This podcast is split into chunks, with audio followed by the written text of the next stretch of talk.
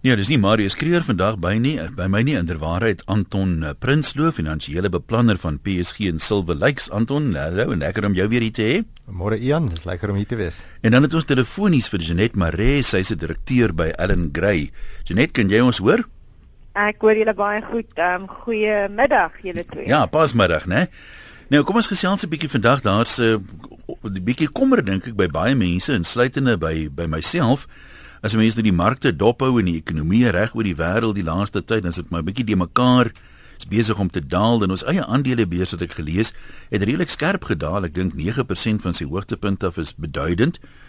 Nou vra mense my swaar verdiende geld wat ek belê het, het nou so goed gegroei die afgelope paar jaar. Nou skielik is die groei nie meer so goed nie. En uh, eintlik sien ek nou hoe die waarde van my belegging verminder en as mense geneig om paniekerig te raak en te sê nou wat nou? Anton, nou jy sit hier by my, kom ons begin by jou. Wat nou? Een, die belangrikste ding nou is om niks te doen nie. Of miskien moet ek ten minste so sê, die belangrikste ding is wat 'n mens nou moet doen is om nie emosioneel te raak en dan op grond van hierdie emosie sekere besluite te neem oor wat om te doen op hierdie stadium nie, want in die oorgrootste meerderheid van tye sal die emosie wat 'n mens beleef in 'n tyd soos hierdie jou 'n besluit laat neem wat nie noodwendig die regte besluit is nie. Die 'n belangrike kenmerk van markte is dat markte volatiel is. Met ander woorde, markte beweeg op en markte beweeg af. Die opbrengs wat uit markte uitkom is nooit in 'n in 'n reguit lyn nie. En daarom het ons gesien die afgelope 5 jaar het die mark baie goeie groei gehad en amper reglynige positiewe groei en en en Ons bekommernis was dat beleggers eintlik hieraan gewoond raak en en 'n mens vergeet vinnig. Is dit nie maklik om 'n goeie tye gewoond te raak nie? In goeie tye raak mens maklik gewoond en jy baie vergeet. Baie makliker as aan die slegte tye, né? En jy vergeet 2008 en 2009 het het 'n baie skerp daling gesien net voor die skerp stygings van die afgelope 5 jaar. En nou, jy weet die afgelope paar weke sien ons weer 'n redelike skerp daling in die mark.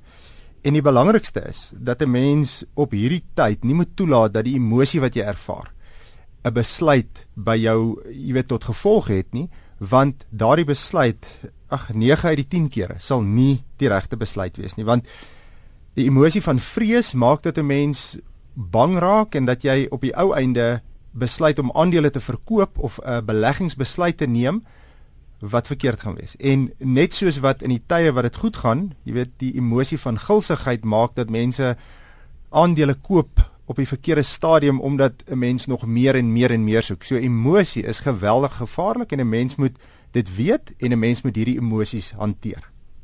Ja, dis uh, baie selde of kom ek sê dis eintlik baie dikwels kom ek draai dit om en sê so dat as jy mens emosionele besluite neem dat jy nou nie gesonde verstand noodwendig inspann daarvoor nie. Janet nou fondsbestuurders dink ek is bekend vir gesonde verstand. Hoe neem julle die besluite? Is julle emosioneel daaroor? Uh een, jy weet dit is soms seker makliker om nie emosioneel te wees nie want ons werk met ander mense se geld, met ons eie geld. Dit so dit ja. maak dit 'n bietjie makliker. Maar ek dink um, jy weet die die die groot verskil is is dat ons vervang emosie met 'n gedissiplineerde proses. En en ek dink werklik dat in tye soos hierdie word, jy weet, onderskei jy eintlik tussen goeie en swak fondsbestuurders die dop te hou wat hulle doen. Ehm um, en die belangrikste toets natuurlik is of 'n fondsbestuurder in hierdie tye by sy beleggingsfilosofie en by sy proses kan hou. Nou, jy weet dit sal dalk 'n bietjie snaaks klink, maar ons by Ellen Gray um, raak eintlik baie opgewonde wanneer wanneer hierdie tipe markskommelings plaasvind want ons glo dit bied vir ons 'n ideale geleentheid om nou aandele teen nou jy weet dis amper soos 'n uitgroot uitverkoping by 'n winkelsentrum jy weet uh, oh, dis vir ons wonderlik want nou kan ons ons aandele teen 'n afslag koop. Nou jy weet die, as 'n mens kyk na wat dit beteken om te sê jy, jy het 'n langtermynbeleggingsdoelwit of 'n langtermyn besluit wat jy neem dan ehm um, neem dit in Ellen Gray ons marksiening in ag. Met ander woorde die afgelope tyd um, omdat die markte na ons mening reeds baie hoog was, het ons baie geld veral in ons gebalanseerde en ons stabiele fondse het ons in kontant gehou. Juist sodat ons nou aandele kan koop op die onderpunt. Met ander woorde, ons het juist die afgelope tyd begin afskaal in ons aandele blootstelling omdat ons gevoel het markte is baie hoog, omdat ons gevoel het 'n mens betaal te veel vir hierdie aandele en juist het kontant gebly om nou van hierdie geleentheid gebruik te kan maak. Um, en dan wat 'n mens ook doen as fondsbestuurder is dan wanneer jy die siening het dat die mark baie hoog is, dan probeer jy om om oor tyd in meer stabiele aandele, groter maatskappye byvoorbeeld te begin belê wat dan nou nie so geraak word deur hierdie markskommelings nie. Ehm um, jy weet toe die mark begin bly styg het, het dit teen ons getel want vir 'n lang periode het ons het ons geweldig baie kritiek gekry wat mense gesê het maar julle weet julle hou geld in kontant julle is nie in die aandele mark blootgestel nie. Maar ons het oor 40 jaar gevind dat juis in hierdie tye baie belangrik is om kan ek amper sê 'n bietjie terug te sit en ons beleggers te beskerm wanneer die mark val eerder as om wie weet te alle tye aan die bopunt van die mark te presteer. So mense het 'n baie gedissiplineerde proses en jy probeer absoluut om net daarby te hou. As jy mens nou histories na die mark kyk, uh, uh, Anton het daaraan geraak net nou. Dikwels hierdie op en af siklusse is is doodnormaal vir mense soos julle wat dit nou al 40 jaar of langer volg op 'n daaglikse basis, maar vir baie beleggers, veral mense wat miskien onlangs eers belê het, is dit amper asof dit die eerste keer gebeur het. Hier's nou 'n groot krisis en hulle het nie die kalmte van dit is normaal, dit het al baie gebeur, dit gaan nog baie gebeur wat gesoute beleggers het nie nie waar nie. Ek dink definitief so. Ehm um, ja, ek ek dink om aan te sluit by wat jy net ook gesê het, jy weet ehm um, daar's 'n spreekwoord wat sê, jy weet die oomblik as jy gety draai, dan sien jy wie swem sonder klere, jy weet. en en in die beleggingswêreld ja. het dit te doen met um, met die proses wat jy weet wat beleggers volg, jy weet en En as 'n mens nie 'n proses het nie en jou besluite word gerig deur jou emosie, dan gebeur presies dit. Jy weet, dan neem jy verkeerde besluite op verkeerde tye en op die ou einde bring daardie besluite vir jou nog meer moeilikheid wat maak dat jy nog slegter besluite moet neem om daai verkeerde besluite reg te maak. So dis net 'n bose kringloop. Wat is die meer algemene foute wat beleggers geneig is om te maak? Jy het sekerlik al die jy weet 'n lysie gemaak van dit is die dis die meer foute wat die meeste voorkom.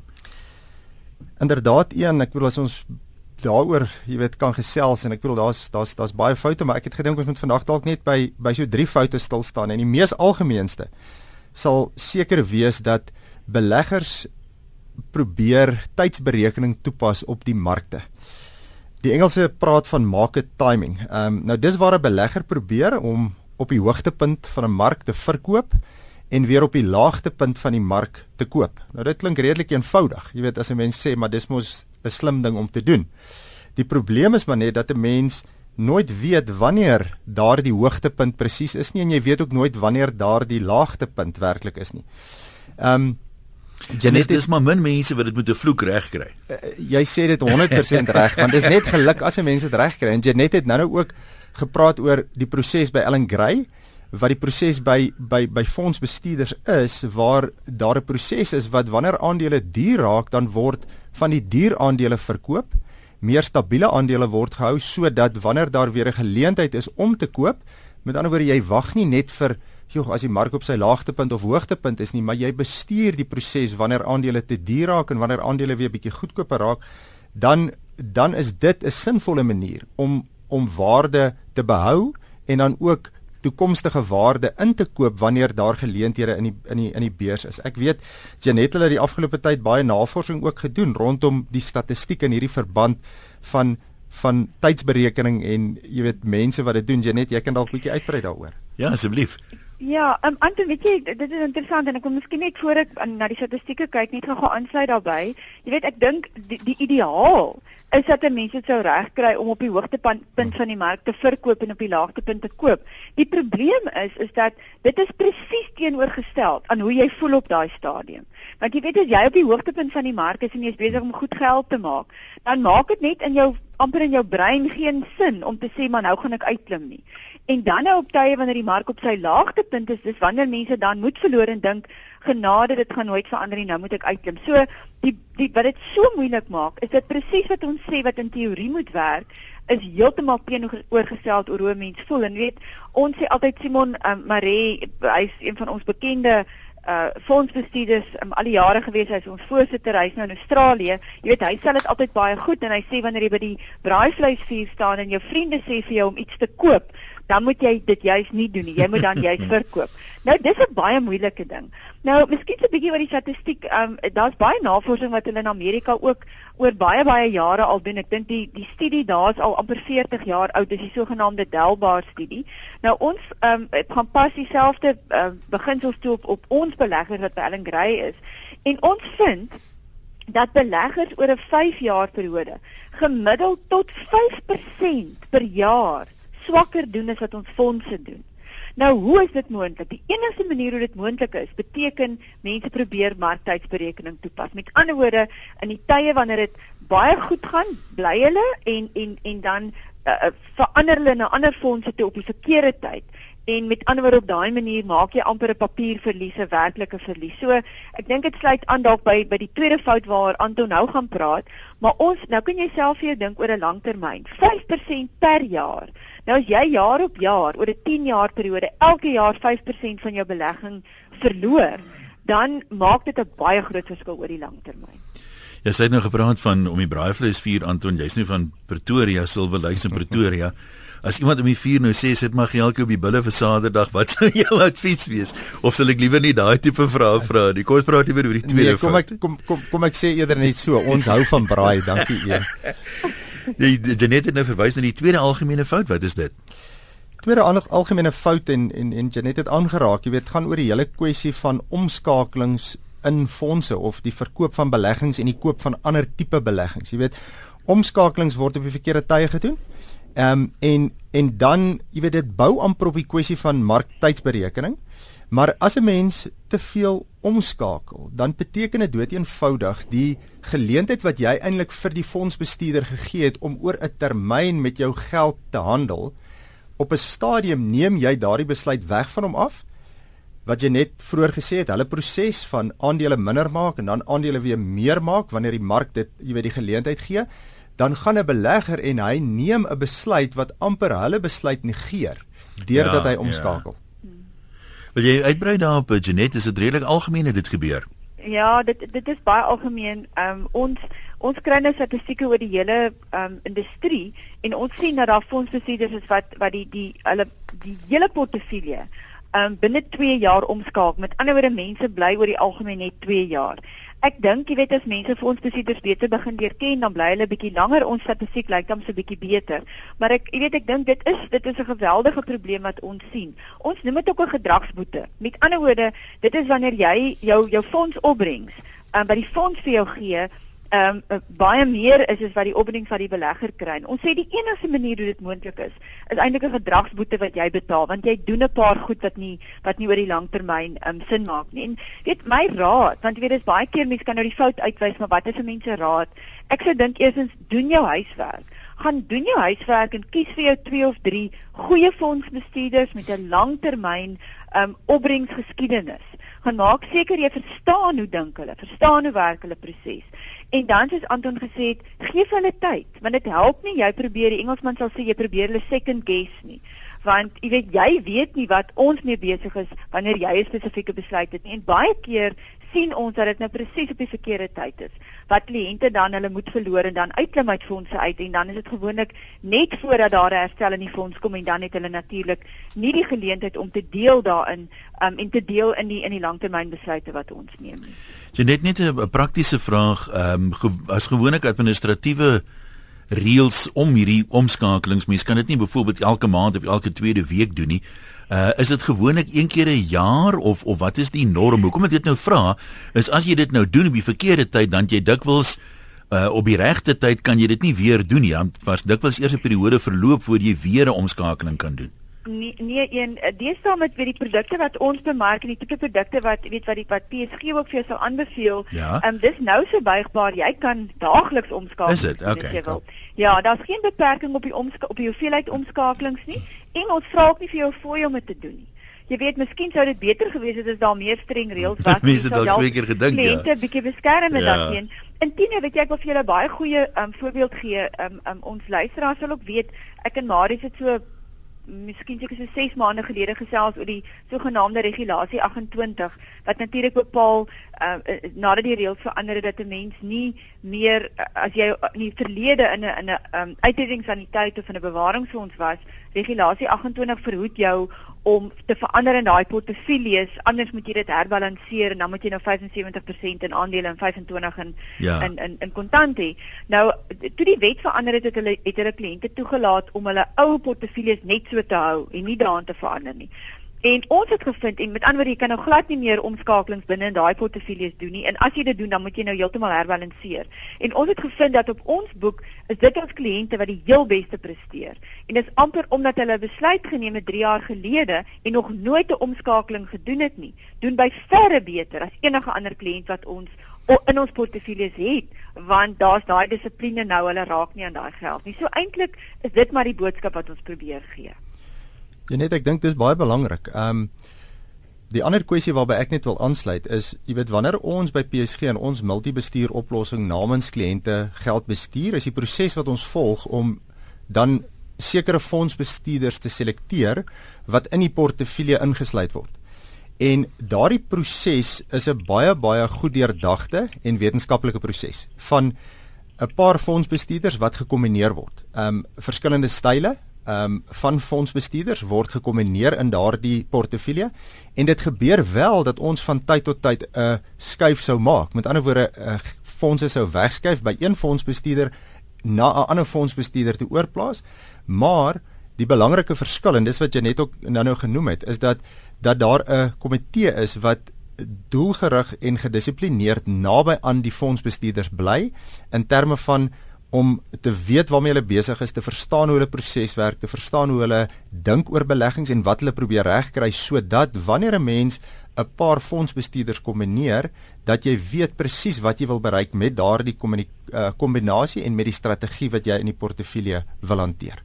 Kom ons sien net vir luisteraars wat laat ingeskakel het. Jy luister na RSG Finansies, moontlik gemaak deur PSG Wealth en Silver Lakes en George Central. En vir meer inligting kan jy skakel 086 1348190. My gaste vandag is Anton Prinsloo, finansiële beplanner by PSG Silver Lakes in Nobilane. Dit is vir Janet Maree, direkteur van Allen Gray.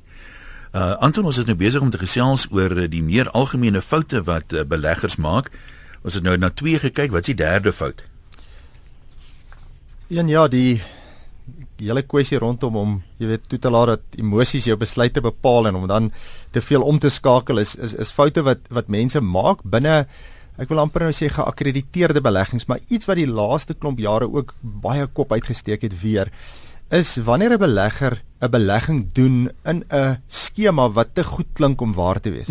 Want so skema is te goed om waar te wees Daar was 'n klomp beleggingsskemas die afgelope paar jaar waarin beleggers belê het en die die die grootste rede, die belangrikste rede waarom jy weet beleggers dit doen is omdat hulle beter as markverwante opbrengste soek. Met ander woorde beleggers soek opbrengste wat wat beter is as wat die mark oor die algemeen kan bied, um met die gevoel dat die risiko eintlik minder is.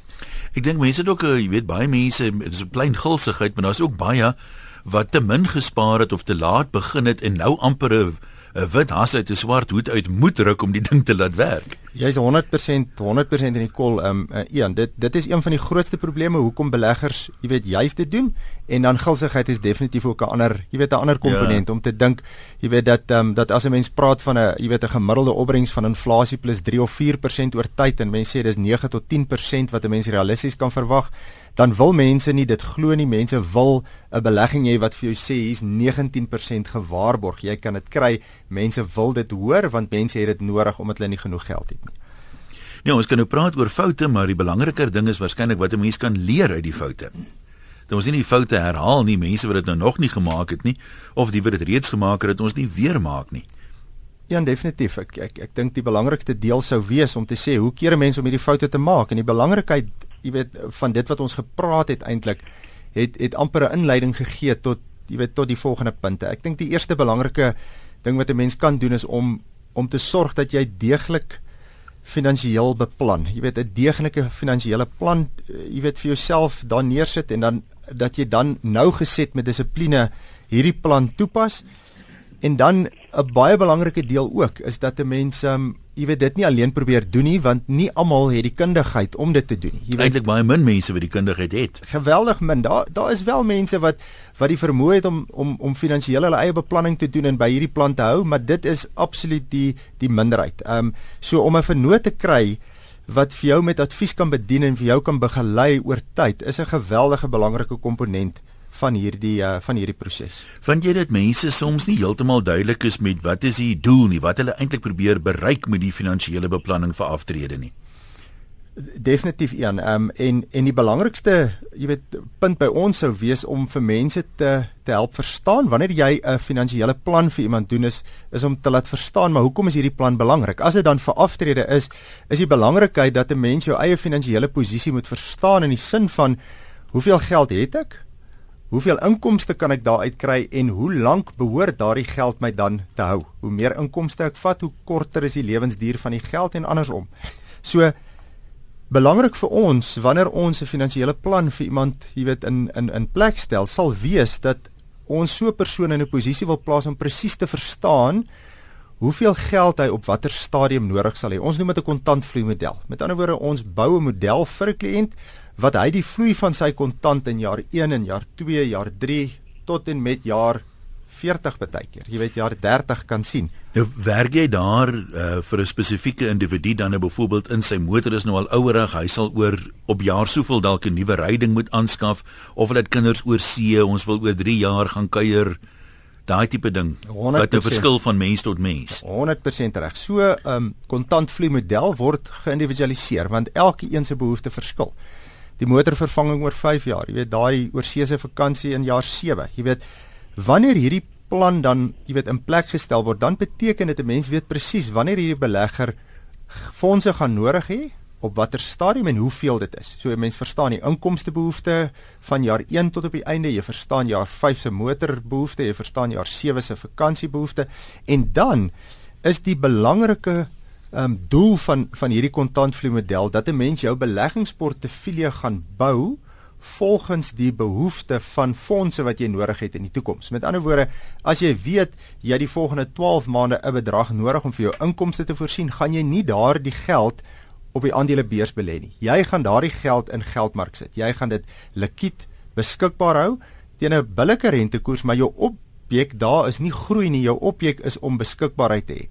Dieselfde gaan gebeur met jaar 2 se geld. Jy weet, jy kan bietjie bietjie inkomstefondse insluit. Van jaar 3 tot jaar 7 kan jy begin en jy kan jy kan 'n um, aandeel uh, bateallokasiefondse insluit wat tipies die aandeelfondse is waaroor jy net vroeër, jy weet ook 'n um, opmerking gemaak het. Die die lae aandeelportefeuilles, die medium, die gebalanseerde portefeuilles wat medium hoeveelheid aandele het. So wat jy dan doen is jaar 3 tot jaar 7 tot jaar 8 se geld word tipies in sulke bateallokasiefondse, jy weet, belê wat beteken daar word aktief geallokeer, meer aandele, minder aandele, bietjie meer buitelands, bietjie minder buitelands en dan eers die geld wat jy weet jy van jaar 8 af en verder gaan nodig hê. Dit is die geld wat dan direk in aandele belê word. En dis die geld wat aan buitelandse, jy weet, beleggings blootgestel word. So wanneer markte skobbel soos wat dit nou doen, dan is die belangrike deel dat die geld wat geaffekteer word deur hierdie skommelings eintlik jou langtermyngeld is. Dis nie jou kort en jou mediumtermyn geld tot 'n groot mate nie. Ja, ons het nou gepraat van emosies, maar gemoedsrus is seker ook 'n emosie, né? As jy mens so daarna wil kyk. Gemoedsrus is geweldig belangrik en um, en en en gemoedsrus kom deur verstaan. Jy weet, en wanneer 'n mens die proses verstaan, wanneer jy verstaan wat die doel is en wat 'n mens probeer bereik, dan kom gemoedsrus ook in 'n tyd soos hierdie om te verstaan dat dat dit nie die geld is wat jy volgende maand en volgende jaar nodig het wat blootgestel is aan hierdie skommelinge soos wat ons soos wat ons beleef die laaste ruk nie. Janet, jy het vroeër gepraat van die dissipline, die proses wat vir ons bestuurders volg. Ehm um, dit neem ek aan geld vir beleggers ook. Wat help dit nou jy te plan en jy bly nie gedissiplineerd by jou eie finansiële plan nie? Ehm um, ja, nee, dit is absoluut waar. Ek om om gedissiplineerd by 'n goeie finansiële plan te bly, um, is van kardinale belang. Belang, jy weet, hoekom anders het mense 'n plan? Dis 'n bietjie so goed soos jy weet, jy wil van van Johannesburg af Kaap toe ry en jy maak 'n beplanning en op die ou ende, jy weet, draai jy op elke klein straatjie in in in, in paadjie af. Ek meen jy gaan dalk nooit in die Kaap uitkom nie. En jy weet met ander woorde, as jou langtermyn doelwit nie verander nie, dan verander jou plan nie.